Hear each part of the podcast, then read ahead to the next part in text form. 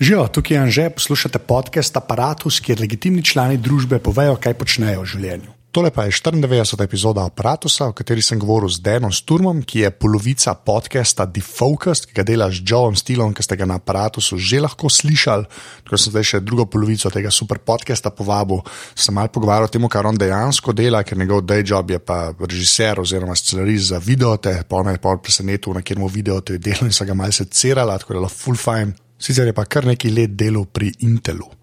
Naprej začnemo pa še enkrat, full hvala vsem, ki ste že podprli podcast Apparatus in unim, ki to še boste naredili. Če hočete to narediti, spete na aparatus.si/slash podpri. Res full hvala. Uh, aparatus je tudi v iTunesih, tako da če daste tam kakšno ceno, je fajn, ker tako še lahko kdo najde tale podcast. Sicer pa, evo, den. I guess we'll start. Sure. Since you're recording your end and I'm recording my end stuff, uh, and I have my notes here. Oh God. Physical notes. Physical notes. Then. You, you you didn't you didn't tell me anything, so I don't know what to, to what to what to expect other than I listened to uh, a bunch of the old episodes again. well, that's pretty much you know uh, all you need to do. I think that's, and then just show up, and then I'll ask stuff. So you know, uh, so so my first question, which is always the same, which- and I also say that every time. So, uh, who are? don't laugh.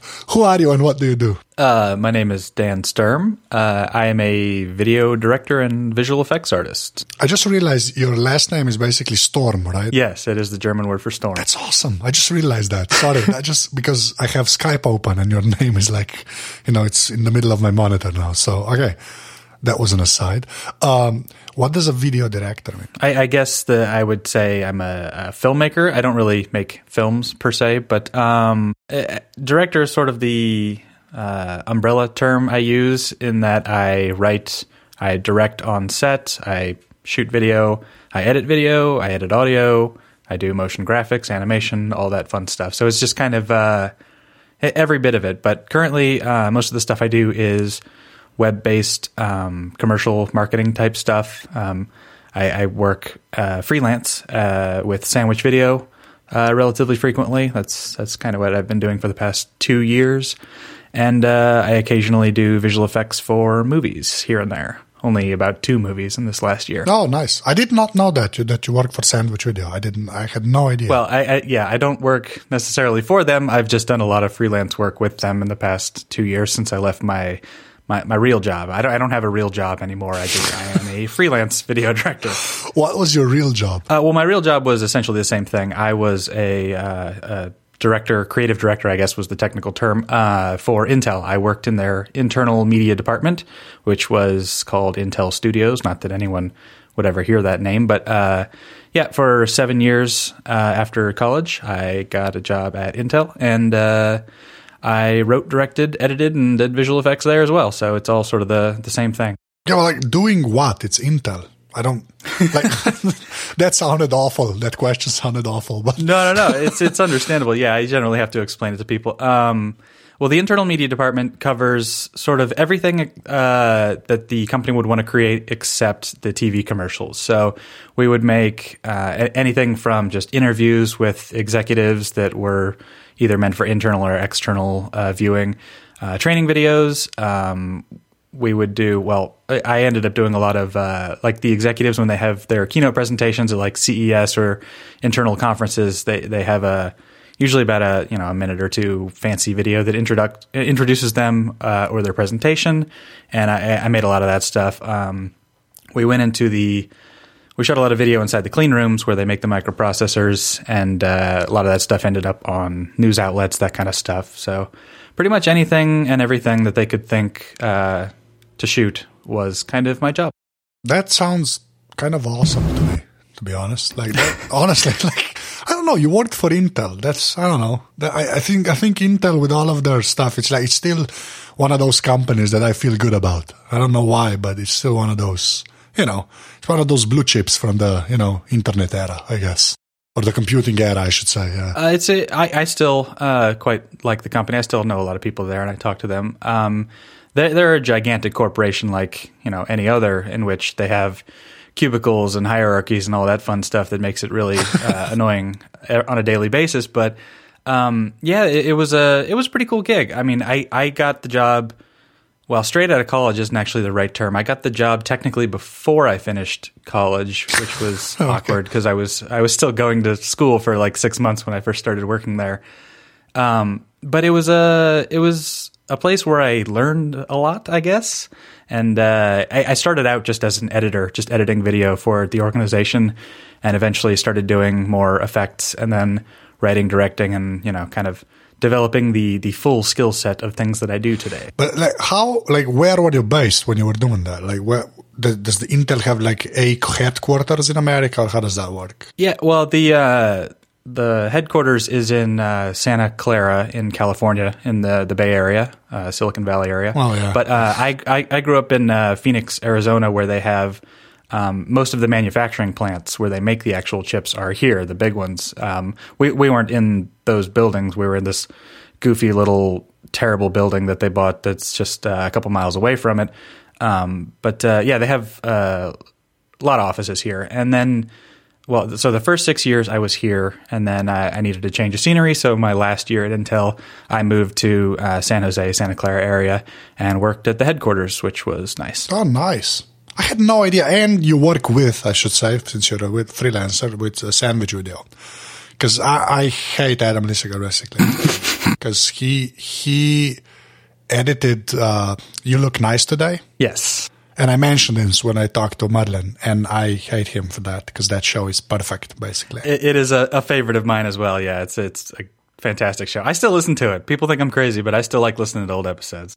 I am the same way. When I run out of stuff and I just need something, when I'm like, if I'm going somewhere by bus and stuff, I'll just, you know, listen to a random episode and just get angry all over again. I just, I hate it. it's ridiculous.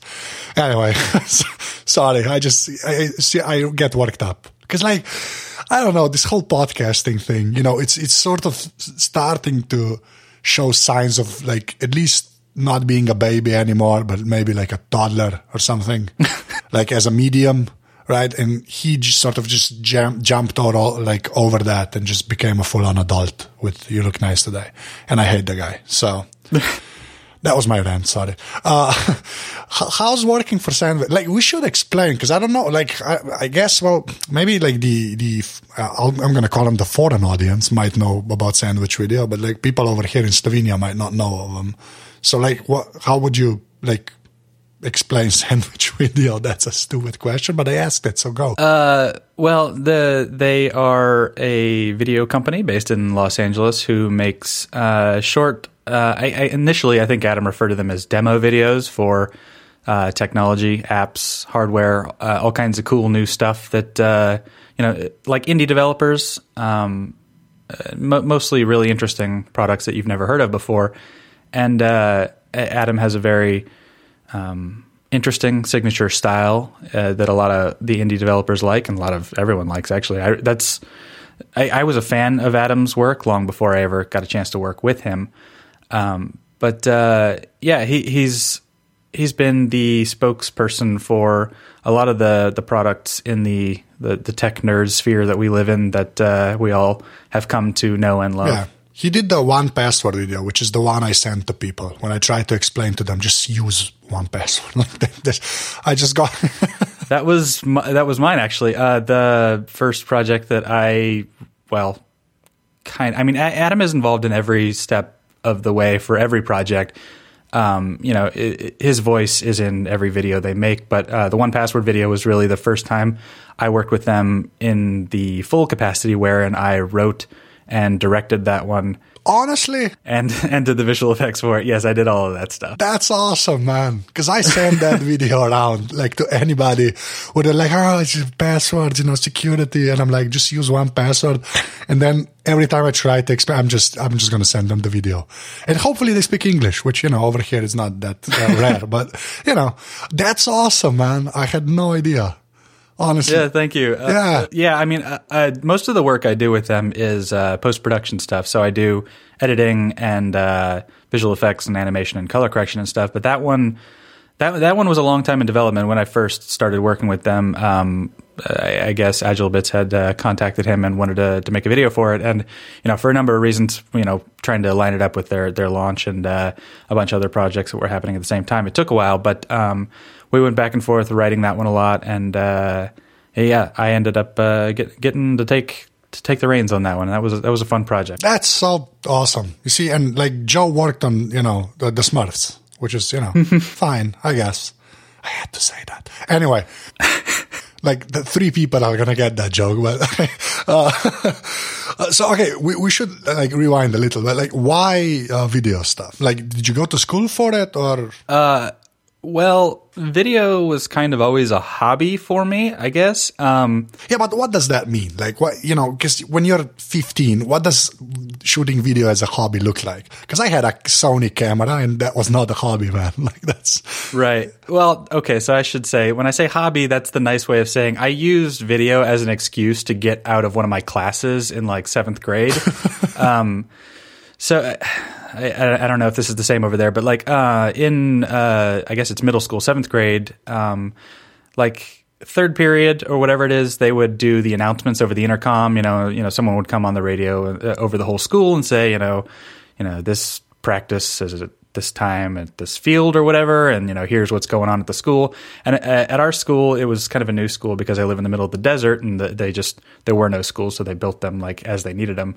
Um, but they they did uh, video announcements, and uh, a friend of mine was helping make the video announcements, and I thought it was interesting because he got to leave class for like a half hour every single day to go make this goofy live video broadcast. It's basically like a news show where you read five minutes of uh, announcements from the administration, and you put some silly graphics up on the screen, and then you know the the whole school is supposed to engage with it more uh, since it's video or something. Like the boom goes the dynamite guy, basically. Like I suppose that's that's the only reference I can think of. I mean, it, it basically what it turned into was me and like five of my friends in this little room in the back of the library uh, making a little live news broadcast every single day where we would just kind of mess around and we would play whatever music we were into at the time uh, over the you know we would make introductory credits and end credits for a news show every day because why not? We were bored and we got to play with this little equipment.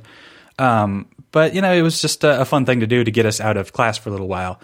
And then uh, you know that sort of like went by the wayside. And then in high school um, there was a really cool video production teacher there, and I took some of his classes. And they also had the video announcements thing going on, so we would, you know, shoot video of the the, the sports teams, football, lacrosse, whatever. Um, and then we would do the video announcements, and we would make, uh, you know, part of the video class. We would make um, like packages, like news packages. We would make uh, radio ads for fun, um, just random videos and this and that. But uh, I was always a, a math nerd kid, so eventually, uh, I, I, as I was instructed to do, I went off to go be a computer engineer uh, in college, and uh, I got you know the first year of that was uh, interesting. Um, I, I, really enjoy technology, but uh, I, I was not cut out to be a computer engineer, so I just after my first year, I totally bailed on that, and it's like, well, what am I going to do now? It's like. Well, I've kind of been making videos my whole life, either with you know my friends or as part of a school thing. So let's go to film school. And I went to, uh, at the time, it was the only film school in Arizona, which is where I, I was still going to college. Um, at uh, it was up in Scottsdale, and uh, it turned. I mean, it was only a two-year program. I kind of did two degrees at the same time, so I got a degree, a two-year degree in film production and film editing. And uh, yeah, as I mentioned, like one of the teachers um, in the t- the TV class, uh, it was like a live broadcast class, which I, I, I, should stipulate I hate doing live TV type stuff like webcasts, all that fun stuff. It's uh, it drives me insane. I hate it. Why? Which there's something about the live element of television that it's just like constant panic and everything always breaks all the time. So it's really just like doing your best to make sure that the video doesn't go down. Like all of the live streams we we always watch of any keynote anywhere, like uh, what the Apple Watch keynote is that the one where there there were like three languages going on at the same time and it kept going to color bars. Yeah, yeah, the Chinese translator. That something always goes wrong like that in a live broadcast, and you're just scrambling and sprinting and getting yelled at the whole time, and it's just miserable. And when it goes right, you're basically just sitting there and you know cut from camera one to camera two, cut from camera two to camera three, and it's like an hour and a half of that. And I, I don't find that particularly stimulating. So. Uh, yeah, the live TV stuff is not super interesting, but um, anyway, in that class, uh, the teacher uh, brought in folks from different companies to sort of like give lessons or whatever. Like, hey, learn from some industry people. And one of them uh, happened to be from Intel and mentioned that there was a job post, uh, job opening for an editor. And um, at the time, again, since I was the computer nerd, uh, with uh, you know, I've always been like super into like building computers and like futzing with them, and not really, uh, not really all that great with them. But I, I like to tinker a lot, so I, I kind of got this weird reputation as the guy who knew all of the answers when you were asked any question about like the editing software. Uh, and I kind of I, I I, I ruined the grade curve in my editing class um, for everyone else.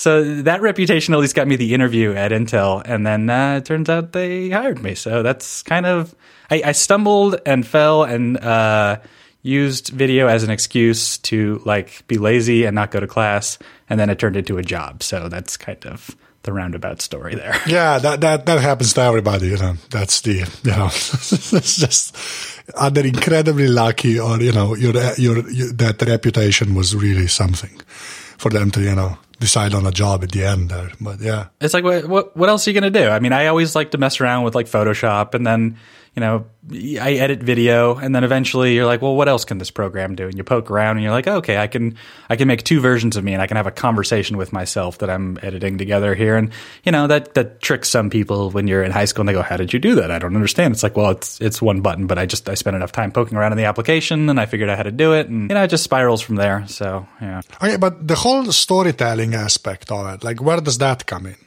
Because if you started doing, you know, the school announcements, that's not actually, you know, Yeah. like story driven, I guess. like where, like where does that come from then? Because I think you need that, right? If you do video of any kind, even the 1Password stuff, you know, that's you know that has an arc, I guess, sort of. Yeah, I I don't see this. This is uh this is the the difficult part for me even still these days. I don't find myself to be that great of a storyteller, which is probably why I haven't branched out into things you know like feature films or you know uh, all that dramatic type work that I, I I love watching so much. But it's just I'm not super great at writing it. The um the the, the tech stuff but both with uh, when I was at Intel and sort of the sandwich stuff, um, I, I've always been, I'm sure you and many of your listeners are the, the guy who translates tech for normal people. Like, you know, Yeah.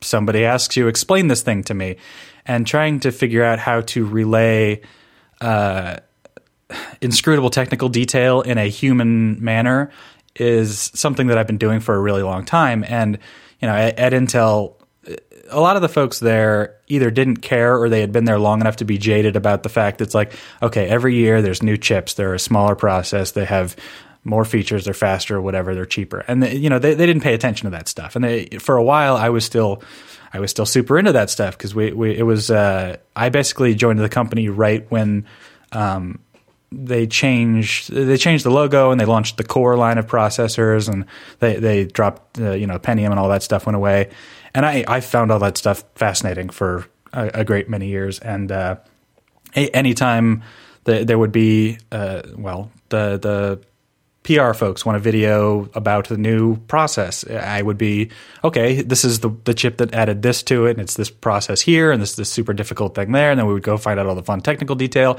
and then turning that into something that uh, people could potentially understand um, was an interesting challenge. And it's the same sort of thing with. Uh, I, I mean, I again, I should say, I really don't do a lot of the writing and directing for the sandwich stuff. The the 1Password one was really the last thing I did in that capacity. Um, but making sure that uh, the the technical details of a product or service are properly explained in a digestible manner is, I, I think, a fun challenge, and uh, it's something that I I, I, I feel like I kind of understand how to do. But uh, yeah, that's that that's sort of the. it- It's not so much. I don't look at it as storytelling per se as kind of showing off what a thing is and why it's cool. Yeah, but that, I think that's an actual skill. Because I feel the same way when I write about tech, right? Like just explaining, I call them civilians, which is basically everybody else. like, you know, trying to explain anything to pe- just normal people. I think when it, when tech's involved, that, I think that's an actual, like, that's a proper skill. Again, yeah, I wouldn't call it storytelling because that's just douchey because everybody just calls everything storytelling these days. I, I hate that. Right? Like, like if you work with video or like you write stuff, you can actually call yourself a storyteller, like no matter what you do. Yeah. I think because there's there is an element of that. But if you're a guy that makes chairs, you're not a storyteller. But I'll bet you there's like 17 videos on Vimeo of a guy saying he's a storyteller because he makes something out of wood, right? And I I find that word like the storyteller, I just it has lost so much of its you know I don't know like meaning I guess with the Yeah, I mean, you can you can retcon a story about just about anything, but that, that doesn't mean that it's going to be a good story. It's just a story, apparently. So, uh, apparently, the being the operative word. Just as there are a lot of movies that aren't super great, there are a lot of stories that are not super uh, engaging or entertaining. So, yeah, whatever. Okay, but but we do have to talk about movies because, like, you we're gonna talk about Defocused at the end. That's sort of how I've pictured it. But like the best episodes of that show, right, is when you actually like the movie and you're the normal person, and then there's Joe, right, who's just there to, you know there's there's this. I just heard that a couple of uh, weeks ago. He just poo poos everything. That, that, that's what people say over there in America sometimes, right? Yes. Okay, thank you. Because that, that, sounds weird to me, but I'm I'm rolling with it. So that is an acceptable idiom. Yes. Yes. Thank you. Uh, no, but like you you have this. I don't know. I, I I really like when you like a movie. You're like you you actually like it comes across as just a guy liking a movie, and I think that's really like hard to capture even in a podcast or a TV show or a book or a you know article whatever. Like there's that genuine joy of someone liking something I think that's really hard to capture that's my theory but like I'm, this is going to be the the weirdest douchiest question today probably but like why do you love certain types of movies mm. and that's a broad question but I had to ask it I, seriously my notes see see that it's written no, down. no it's yeah. it's not it's not that bad of a question at all because I, I think about this all the time. You know, um, the, the, Golden Globes were on last night, and uh, it's yet another instance where I watch it and I go, "Really? That's the one you guys all liked versus the one that I actually liked." But uh, it, it's more me coming to the realization that the movies I like are uh, different than most people, and in in ways somewhat psychotic. Like. Uh, I, am a big fan of David Fincher, and he, he's uh, yeah.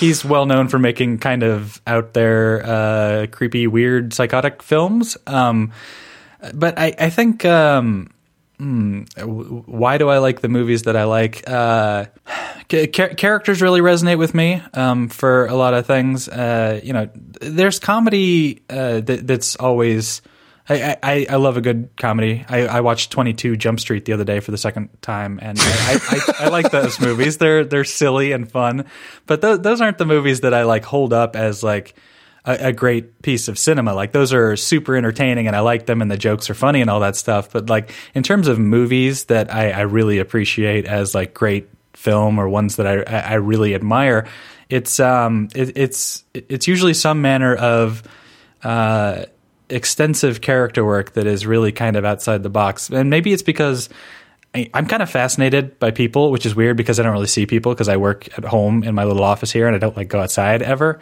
Um, but people fascinate me, uh, and I, I, I like I, I, like digging into the the the deeper psyche of people, and, especially uh, in movies when you know you, you, can kind of do whatever you want with a character because it's not a, a, a real person. It's not a uh, a character study of uh, an actual human being, you can you can kind of get out there with these characters that are uh, things you've never seen before, and, and, that kind of stuff intrigues me. Okay, but you see, the the thing I like like when you talk about movies, well, you and Joe, because you guys sort of know more of how the that stuff is made. You know, you've seen the sausage being made, right? And I and you still have this glee about certain films where I imagine if I knew like as much about making movies as you two do, like I just wouldn't be able to just like let it go and just watch the damn thing, you know? I just when you guys told me about the matte paintings in uh uh, Ghostbusters. Oh God, please don't tell me we ruined it for you. Yeah, that's all I see now. Oh, I'm sorry. I'm so sorry. Every time I see that damn gargoyle. no, that's fine because I actually found it fascinating because I actually watched it because uh, I listened to you guys talk about it. And then I watched it with my girlfriend. And I was like, oh, that's a matte painting. And she was like, what the hell are you talking about? Like, I was like, I was just basically proud that I saw it.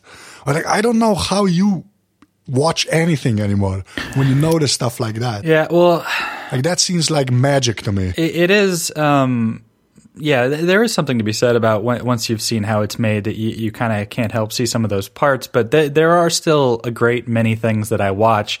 Uh, even after seeing them dozens of times, and I just get lost in them. Like when we talked about uh, Die Hard not too long ago, that's one that um, Oh yeah. I, I try to study, and I, I know it's a great movie on a technical level for a number of reasons, but uh, there are parts where I just get lost in it because it, I don't know if it's like being overwhelmed by all of the the pieces working together in harmony to make you know something that's bigger than the sum of their parts or whatever. But like if I, I can start studying the cinematography of something, but then you know I'll end up on one shot where there's like a, a, a line that I love that uh, makes me laugh or smile or something, and then all of a sudden I'm I'm just watching that scene again. It's like oh crap! Twenty minutes later, I totally forgot to be paying attention to the cinematography now. But um, since movies are a collaboration with hundreds of people, uh, there are times when just uh, e- even I, knowing how they do these things, I watch it and I go, I could never do any of that. Like all of these things, th- there's something, th- there's some little piece of what I'm watching that is just so mind-blowingly overwhelming that just it just knocks me back into my seat as a viewer and i go okay i'm just going to watch this now because this is too much fun to watch and you know ha- having the the critical eye is uh it's an exercise and you know the thing about criticism gets weird when you try and break stuff down like um Yeah. it, there, there's a film school thing where you can like all right let's look at a scene let's draw a diagram of where everyone is and where the camera starts and where it goes and where the lights are and try and figure out what kind of lights they had in the scene where you can reverse engineer stuff and what kind of equipment. And you know i love looking at behind the scenes uh, photos and try and use that in conjunction with the movie to try and figure out what gear they had to pull something off if it was like a particularly difficult or clever shot. And that stuff's interesting but uh, the stuff that actually interests me is trying to like reverse engineer the mindset of the people who were in charge that day. Um, I, I don't really care like what camera was used or what kind of stuff they used.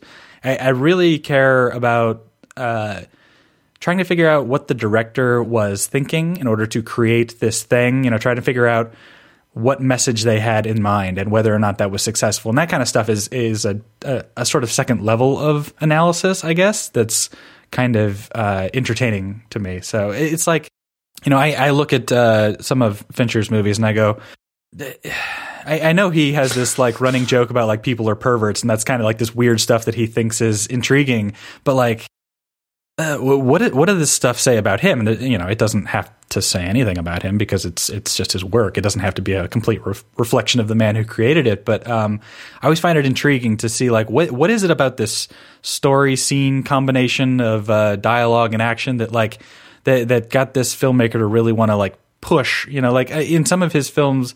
There's some like uh, some stuff that really makes you uncomfortable, and he's he's he's pushing the bruise to like make sure that that moment lands, and it's like, what, is it about this scene that made him want to go this way and that kind of stuff? And I I, I love trying to you know interpret that stuff uh, for myself just to try and figure out you know what, what a filmmaker's all about. That's you know that's the kind of stuff that interests me. But uh, again, that's like me discovering I have odd tastes in movies about weird people. That's a That was a, odd, that was a weird tangent where I probably revealed way too much about myself. no. I just love the way you ended it. Like just like weird, we're weird people. That's pretty much yeah.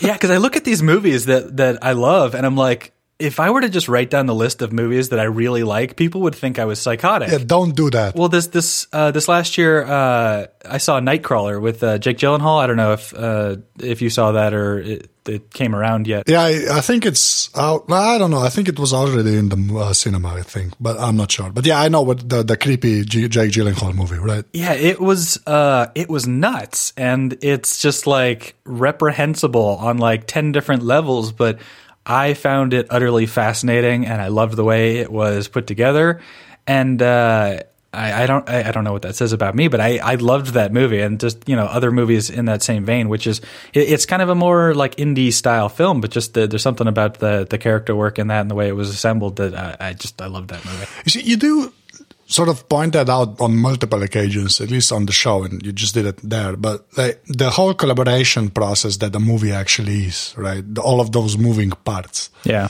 Like even with the smaller, like I get, I'm gonna say like smaller projects, like uh, the Intel stuff, and like how. Like how challenging is that actually? Because I always come to this distinction between you know because I just I do a little bit of audio editing with the shows that I do right, but like audio is pretty basic when you start to like factor in like multiple like, shots and stuff with the video, right? Like how like how easy it is to actually all of that to fall apart. like just well, uh, you know, no, but yeah. You see, I don't know how how else to ask that. I don't want to be like I don't want to be flippant about it, but like it's just it's because I had a, a, a guy here that directs movies. I had him on a couple of times. He's like a panelist on a like a incomparable style show we do. Mm. And I've talked to him about it a couple of times, but I just, I find that fascinating because to me, it just seems like there's too many balls in the air, basically. Like all the time. I don't know how that, like, is it easier for the smaller projects or is it just, you know, it's a shorter, like, time span? And it's the same amount of just hectic stuff that can just fall apart, basically. Um, my uh, my instinct is that it's potentially easier on some of the larger projects, but that, you know, obviously there's more pressure when there's more money. But um, you know, the thing about it is, and I can probably really only speak to my own experience, so that's that's kind of how I'll try and frame it, I guess. But um, when it, when I write something, whether it was the Intel stuff or the 1Password video or whatever it was, um, I see every frame of it in my head as I'm writing it. And that's kind of the only way I work. Like I, I need to be able to see every cut, every angle to know if it's going to work together. And most of the time, I, you know, I, am doing a little bit of fuzzy math in my head because I think we can get from here to there. Uh, and that that'll work. You know, watching an edit in my head is different than watching an edit, uh, you know, on my computer screen. But um, once you show up to a location, uh, chances are the actor you envisioned or the location you envisioned or the light you envisioned is going to be different. You know, it, it's it's almost a hundred percent guarantee, basically, that okay, we found a bunch of great locations. This is not what I had in my head because my head is uh, un- unconstricted in terms of what what I can imagine. Um, and you just kind of have to throw it out and go with the intention of what you had to do and say, okay, how can I adapt this idea to these new constraints? And obviously, working under a constraint is uh, often a good thing because here's the resources I have and here's how we got to make it work. And uh, it, you know, you, you exercise that muscle of saying, all right, I need to get from point A to point B to point C, and I need to make sure we get these pieces along the way.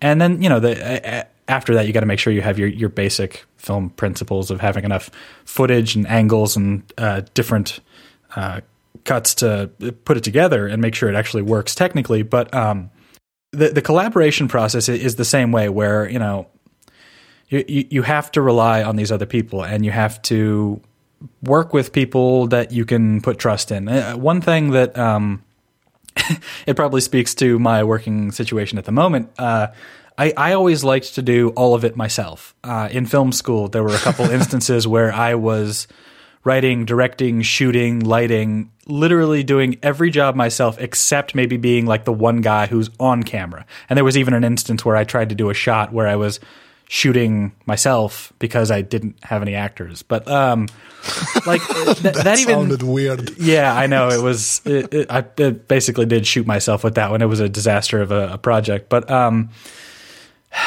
put it, putting your faith and trust in other people is essential for the process, but that's where it can either enhance the project or fall down if you have a misunderstanding. And the, the, whole point of you know the the director's job is to make sure everyone understands what they're doing and what you what your intention is, and let them sort of work within the, within their job. You know, as you you learn to trust people more, you say, okay, uh, I've seen your work, I know you're good. Here's kind of what I want to do and then let them bring their own thing to it. And what what they do usually is better than what you would have imagined doing by yourself. Um, but uh, the whole thing is malleable right up until the moment that you ship the video. Like, uh, you know the editing process is you know the, there's the old thing they say the, the movie's written three times you know it's when you write it when you shoot it and then when you edit it it's the whole thing changes and it has the potential to be completely uh, upended and changed uh, in many many ways but um, the ever evolving process of things being thrown out and redone it, it's just the way the whole process goes and you got to kind of anticipate it and roll with it because if you freak out that you went over on time and you missed a scene or something, you know, that's that's just the way things go and you got to roll with it. You can't like fall down on your knees crying because uh, you, you, missed your your shot list for the day or something. Like you just got to roll with it, and uh, you got to be good at making sure you get enough to make a video in spite of all of these things that uh, are constraints. So the the collaboration process is just kind of everyone doing everything they can all the time, right up until the last minutes, and saying does this work? No. Uh, can we change it? No. Can we throw it out? Sure. Like uh, you know, whatever you got to do to make sure the the product is the best thing it can be. And the product is never, ever, ever going to be that thing that I imagined when I started writing. But oh, that was my next question. Yeah. yeah, no, it's it's it's going to be great. It's going to be as good as it can possibly be, and we've got everyone doing their best on the project. But it, it's almost never the thing that I had in my mind. Um, the, well, I should say the 1Password video is actually pretty close to what I envisioned in my head, except for there's one shot where the camera's moving a different direction uh, than what I had anticipated, but uh, it, it, it, ended up working. Oh yeah, I totally, I totally noticed that. By the way, no, no, you had you have no idea because there was a. Of course, I don't.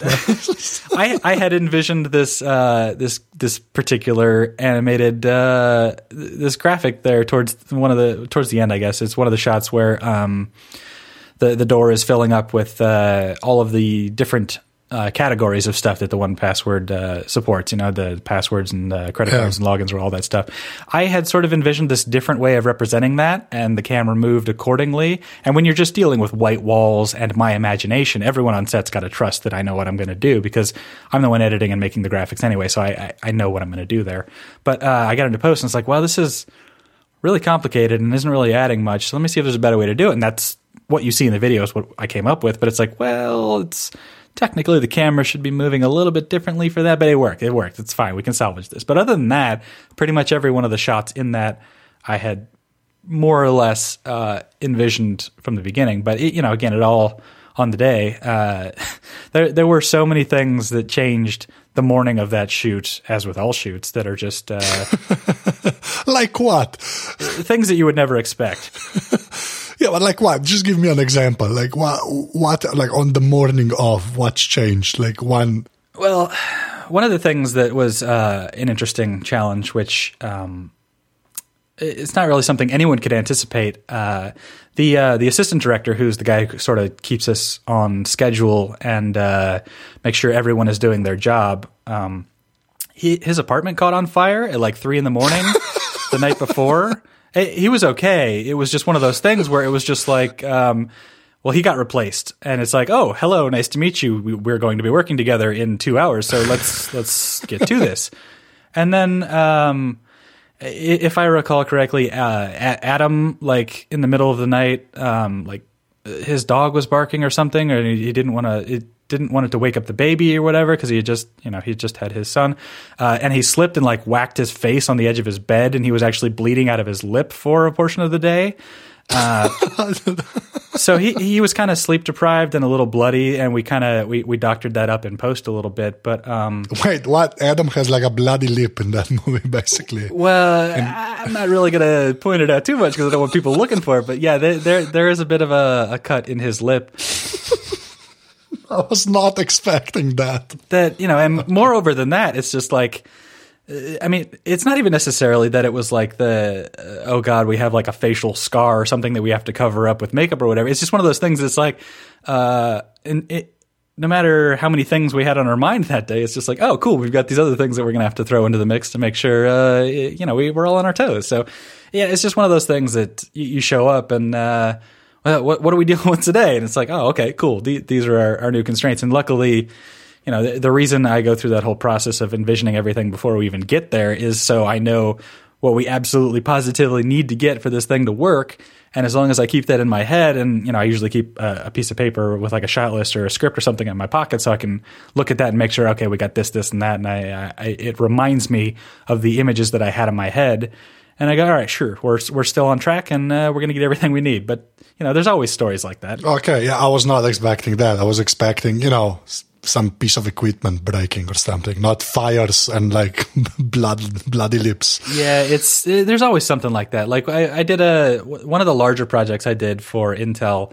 It involved like a week of shooting and all these different locations, and uh, it was shot in the Bay Area, sort of all around the San Francisco area. And I was still living in Phoenix, but you know I showed up the weekend before we started shooting, and we go and tour this. Um, it was in downtown San Jose. It was the uh, art museum or something, and we, we, we they said they would give us this uh, like this one wing of the art gallery that was empty at the time that had this cool layout because we had like an art setup or something, and it was going to be ridiculous. It was like five thousand dollars a day just to rent this like empty room that had these like it was kind of nicely laid out with like walls and stuff that looked cool. But we showed up uh, I think Sunday to check it out before shooting there. I think that one was supposed to be Tuesday and they were in the middle of renovation, so like all of the walls were torn out, so it was just one big empty room. And it's like, well, what the hell? And they're like, oh, by the way, the power in this this side of the building, uh, like anytime anyone goes up and down in the elevator, the lights like pulse because it's a really old building. It's like, okay, and they're like, oh yeah, and you can't use power here. You got to bring your own generator and run cables out the window down the building. It's like, why didn't you tell us any of this? And they're like, oh, by the way, it's also going to be twelve thousand dollars a day. And it's like Anyway, so we're going to look for a new location uh, in the next three hours to shoot on Tuesday. And it's like, uh, luckily we had an amazing uh, location manager who found us something, but it's like, okay, so we're going to shoot here in two days, and we have all these actors and this giant crew and all this stuff, and it's just gone now. So, like, uh, sure, let's find somewhere else to shoot now. Yeah, so rolling with the punches is like the motto, basically, every time. Basically, yeah. I mean, you should anticipate that uh, the best laid plans are going to get thrown out the window, and you're going to start over, and that's just kind of the name of the game sometimes. And you got to keep you got to keep that original vision in mind enough to the point that you know you're fighting the constraints trying to pull it back towards your ideal state and you're going to tr- hopefully land somewhere closer to that than the chaos but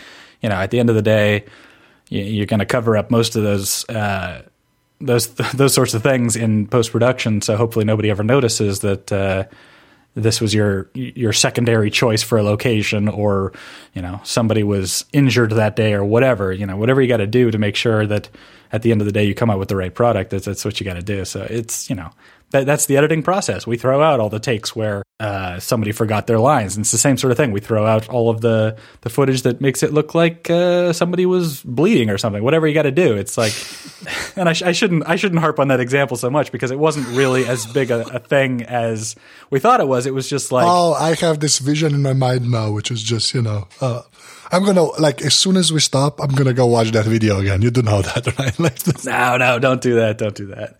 But it's just one of those things, you know. You don't expect your your lead actor slash uh, co-writer to show up to set and be like, "Hey, so let's not get super close because I'm like bleeding out of my face right now, and uh, I, I need like a napkin in my back pocket to sort of dab, you know, in between takes and that kind of stuff." So it's like, all right, uh, we'll deal with it.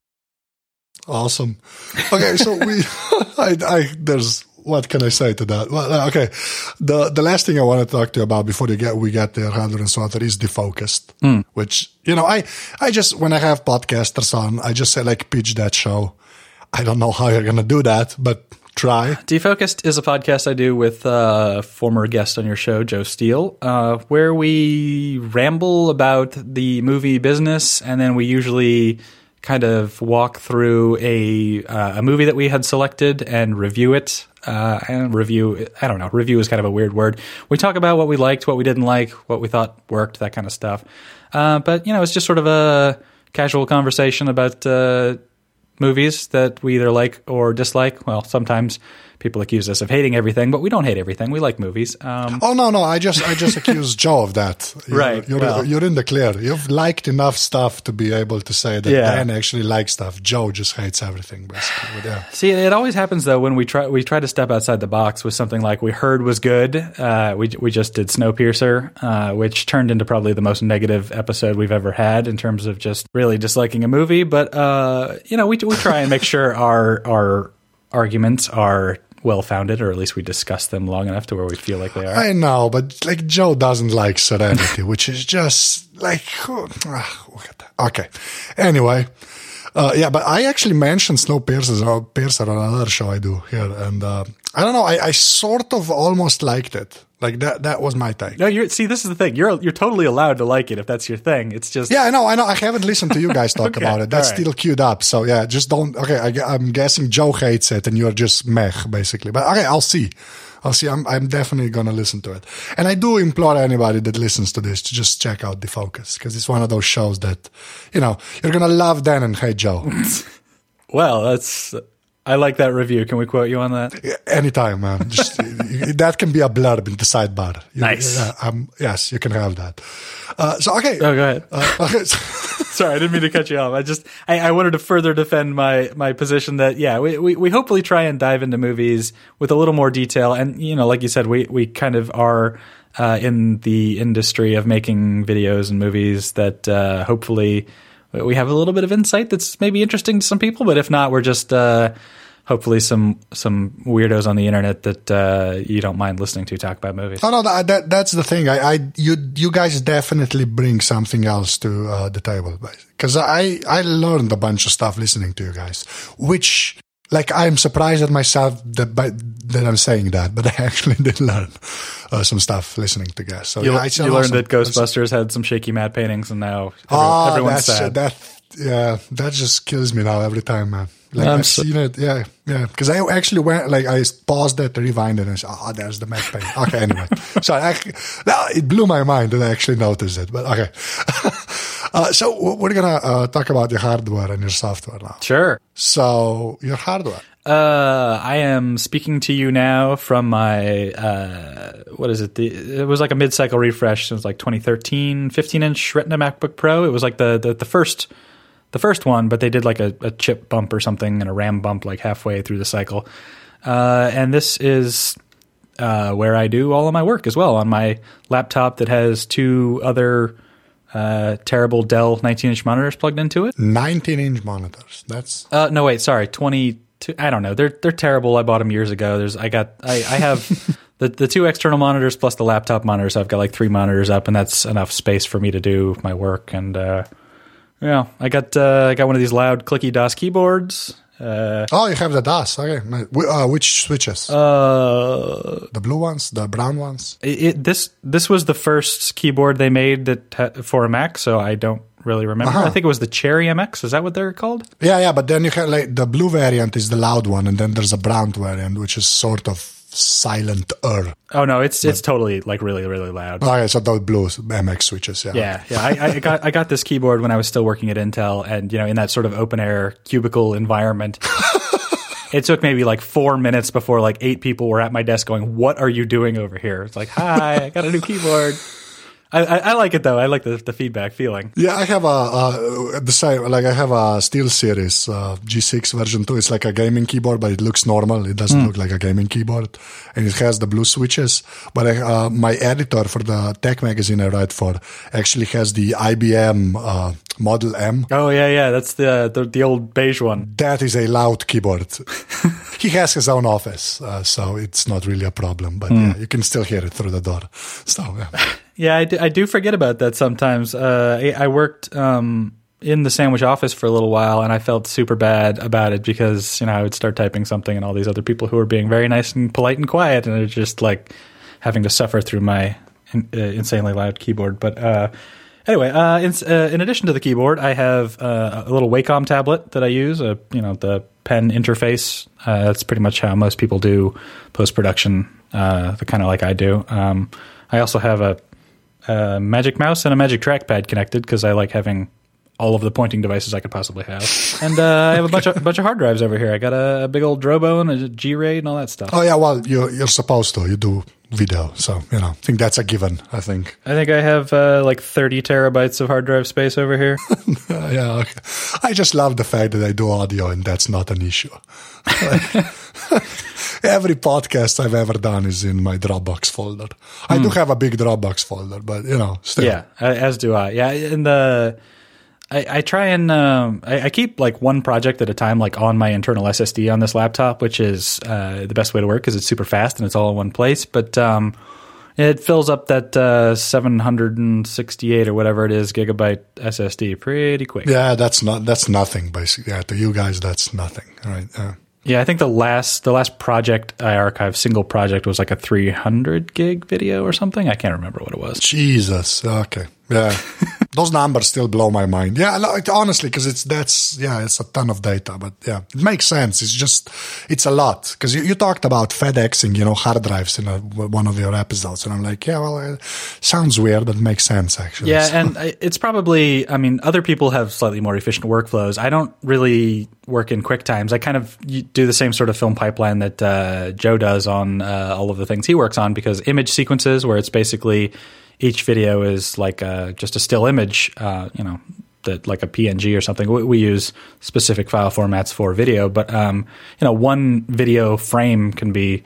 You know, thirty megabytes per frame, and you got twenty-four a second, so that stuff fills up pretty quickly. yeah, adds up. yeah. uh, so your your phone? Oh, I uh, I have an iPhone six, uh, the the regular one because I am not not a large human being. Um, as I've learned from your shows, five eleven is not a tall person, so uh, I have a, a regular iPhone. Well, it's 6. not. It's not like it's just. It's not. I know. I right? know. Uh, I have an iPad one, which uh, okay. yeah. it basically has been completely unused for a very long time. I actually just wiped it and reinstalled everything like two days ago because I figured it might just be fine for surfing the internet. It's still super slow. It's only on uh, iOS five one one. Like that. Apparently, that's where it maxed out. But uh, yeah, uh, I don't really, I don't really use the the tablet. I am just on my. My iPhone 6 all day long. Well, not all day because the battery dies at like 4 p.m. But yeah, like all day. This is my phone and my my uh, my laptop. Yeah, you, see, you should have gotten the plus that, but the battery lasts longer. Dude, I, I can't. It does not fit in my hand. I, I don't know how people because I, I, I do a lot of stuff one handed, or at least I try. And even the six, I'm starting to like adjust to it. But I, I played with the the six plus in the store, and holy crap, that thing is gigantic. yeah, I played with one in the store as well, and a couple, uh, like a bunch of people here also have it. It's awesome. It's awesome. But I am a giant, so that does not count. Yes. Yeah, I'm not the, the yardstick for that. What, what so. are you What are you using these days for a phone? Oh, I have the Nexus 5 still. How how big is that one? Uh, that's a five inch screen. Yeah, and then the six, uh, which is out now, has a six six inch screen, but it's uh, made by Motorola, which is does not have a presence here really. So I can't even get it subsidized. Like I'd get it in a heartbeat, but I, I, it's just not available. And if I buy it unlocked, it's so expensive. It's ridiculous. So yeah, because it's the first Nexus phone that doesn't. It's not the ch- a cheap Nexus phone, right? Because the five when it came out, it was like three hundred and fifty dollars. So if you like, I mine uh, was actually bought here, but the the four I bought in America, like a friend bought it in America and brought it over.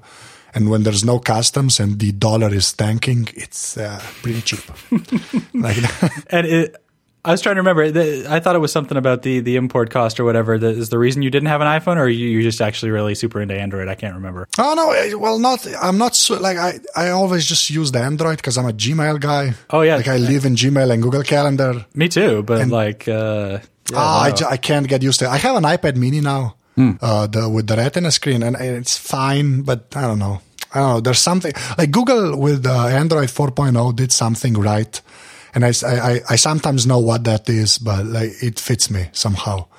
Like, because I, review like phones all the time, and I get iOS phone like uh, iPhones all the time, and it's like I don't know. I'm still not convinced. I still prefer Android, stock Android. I should qualify that. Yeah. Okay, but are you using the native Gmail app? Uh, I'm actually. I just moved like the last couple of months. I moved to uh, the Inbox app, Oh, right, that's their new one thing. which is like Mailbox, but it's awesome. The whole uh, uh, email as a to-do list is just the greatest thing ever. like for the way I handle email, I actually like clean out my inbox every Friday now. I, I, I don't get that much email, so I do it every day. I, I use uh, Mailbox on my phone, and I was using it on the Mac for a while, but the, the beta is pretty buggy, so I kind of dropped it and went back to Mailplane but for the traditional Gmail interface. But um, yeah, that inbox one looked awful complicated. I I, uh, I I like the mailbox where I can delete archive or just tell me tell to show up tomorrow because I'm too busy right now. Yeah, well, that's what the the Gmail inbox thing does. That's it. Yeah, but doesn't it doesn't it have all that weird sort of like uh, sorting or where like sticks like emails together or something? Yeah, but you can like leave that alone basically. You can or you know just not have that. But I, I the thing is I have a bunch of work email accounts, so I, I have all of those piped into my Gmail. So that grouping thing is awesome. Like it from one job, I have all of my emails in one place, and then there's uh, the podcast stuff. They're all in one place, so I can like selectively choose what I'm going to look at now. And that's just, oh, it's the best thing ever, honestly. Like I, yeah, like it was kind of hard at first because I was so used to the Gmail uh, interface, but now it's just, it's awesome. It's honestly awesome.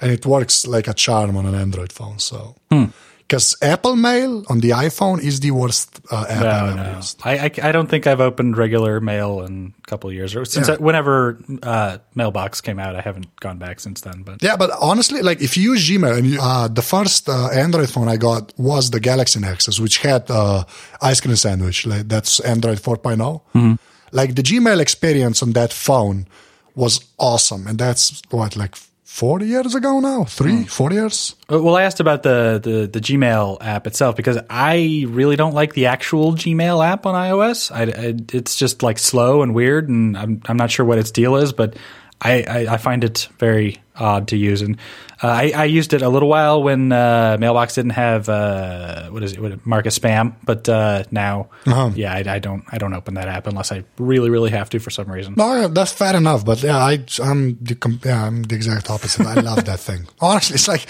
one of the be- like Google kind of had some missteps with the apps it was putting out, but this one is awesome. Honestly. Well, you you have different opinions, so we should totally fight about it. Oh yeah, we should, we should, because this is the internet. You know? Yeah. Like, yes, the the techie side of the internet, which is even worse, I think. Mm-hmm. Uh, so, any other apps you actually use, like stuff you actually use Oh dear. Uh, on your phone? I'm just gonna say on your phone because if you go into the desktop stuff, we're gonna be here for two hours. But Yeah, you don't want to talk about. I mean, I use like one app on the desktop, but it's like expensive, and people shouldn't look at it or buy it. Um, I, I use Tweetbot, of course, all the time. Yeah. Uh, we, we run our podcast stuff through Slack, uh, so that's that's where we chat most of the time. Uh, editorial, of course, drafts, of course. Um, Tumblr, Nuzzle, all that fun stuff that all of the nerds are into. Uh, I, I just recently downloaded this app called Plot, uh, which is sort of like a journaling thing for movies that you've watched. Uh, it- it's like a it's like a Foursquare style thing where you like check in and you know you search for the movie and you you know say yes or no if you liked it. And you add like a really short like Twitter length blurb about what you thought about it. But I, I like it because it's uh, it's got like a follow your friends sort of thing where you can see what other people are watching and you can comment on their stuff and sort of discuss it. I mean, I you know I just started using it, so there's only like six people I talk to on the thing, but. Uh, since I have a terrible memory for things, uh, I, I like to keep it on my main screen there. And every time I watch a movie, which is, I, I'm coming to realize I watch more movies than I thought I did, at least partial movies that are on TV. I just fire it up and, you know, check into it or whatever and uh, keep a list there. So I, uh, I'm kind of liking that one these days. Uh, okay, my last question. If you had to choose one thing, one physical thing, and it can be your grandmother, so it's a thing, not a person. I don't know why I say that every time, but it makes me feel better. Anyway, if you had to choose one thing, uh, what would that be? Like something that made an impact on your life. You might still have it, you might not, but like it has to be one thing. Yeah, uh, I actually did put some thought into this uh, based on you know, previous episodes, and I, I really didn't come up with much of an answer for you, so I apologize. you know, I I feel like I should say something like the first video camera I had that sort of like I ended up playing around with and led to my ability to make a living these days, which uh, for the record was a Sony TRV8 mini DV camera, which was a terrible, terrible little camera that we bought at a Best Buy. Um, but you know, uh, I am uh, accused regularly of being utterly attached to my iPhone, uh, whatever iPhone I have at the time, iPhone six at the moment, and uh, you know things like uh, the iPhone and Twitter in particular, I guess Tweetbot in particular, are kind of the reason I know the people I know and the the the reason I have the job that I have, and uh, I, I really wouldn't be anywhere near where I am in terms of career and uh, friends if it wasn't for Twitter, which is a really weird thing to say. But um, yeah, am I allowed to pick a software app or a service? I don't know if that qualifies. Well, yeah. Well, if it's you know if it's if, if it's hand in hand with the iPhone, I'll I'll, I'll, I'll allow it. Okay, okay. So sure, I, I will pick the iPhone because it's the way that I keep in touch with literally everyone in my life, and uh, it's it's led to all of the good things uh, I have. You know, all of the all of the people that I've learned from, all of the, the, the friends that I have on the internet, and the, some that I've met in real life. It's uh, yeah, it's it, it, has changed my life for the better in, in many ways, and probably changed my life for the worse in the fact that I stare at it all day long. But uh, still, I, I, I, enjoy my iPhone. Actually, that, that, that, that's a good answer. Then. see, if you if you yeah, if you just had said the, the iPhone, that would be douchey. But you know that whole that that, that speech at the end that, that saved you. Well, I still I still feel like it's a cop out because you know we all have uh, smartphones and uh, we're all super connected to all of these fun people, but uh, well, yeah, but you live in the middle of the desert, so I, I imagine it helps. Yeah, I do. I live in the middle of freaking nowhere, and yeah, if if it wasn't for the internet and social networking, I would like never talk to a human being other than my girlfriend who I live with or my dog, which she doesn't really talk back to me yet. uh, Dan, thank you very much for doing this. Thank you for having me. Uh, this was fun. So we're gonna we can stop recording and just you know talk about Joe and how he's a terrible person for not liking stuff. Yeah, he's he's just the worst. He is the worst. Thanks, Dan. Thank you. thank you. Tole je bila 94. epizoda aparata. Dena najdete na Twitterju pod Afna Den Sturm, jaz sem na Twitterju Afna ZT, tako da mi lahko tam težite. Svet pa, tako kot vedno, res full hvala vsem, ki podpirate to, kar jaz delam, ker pač res vsak evro prav pride, pa pol dobim še malo več zagona, da to počnem. Tako da full, full hvala, unika pa to hočete narediti, spet pa na aparatus.si slash podpri. Hvala, ki ste poslušali, to je naslednjič to. Adijo.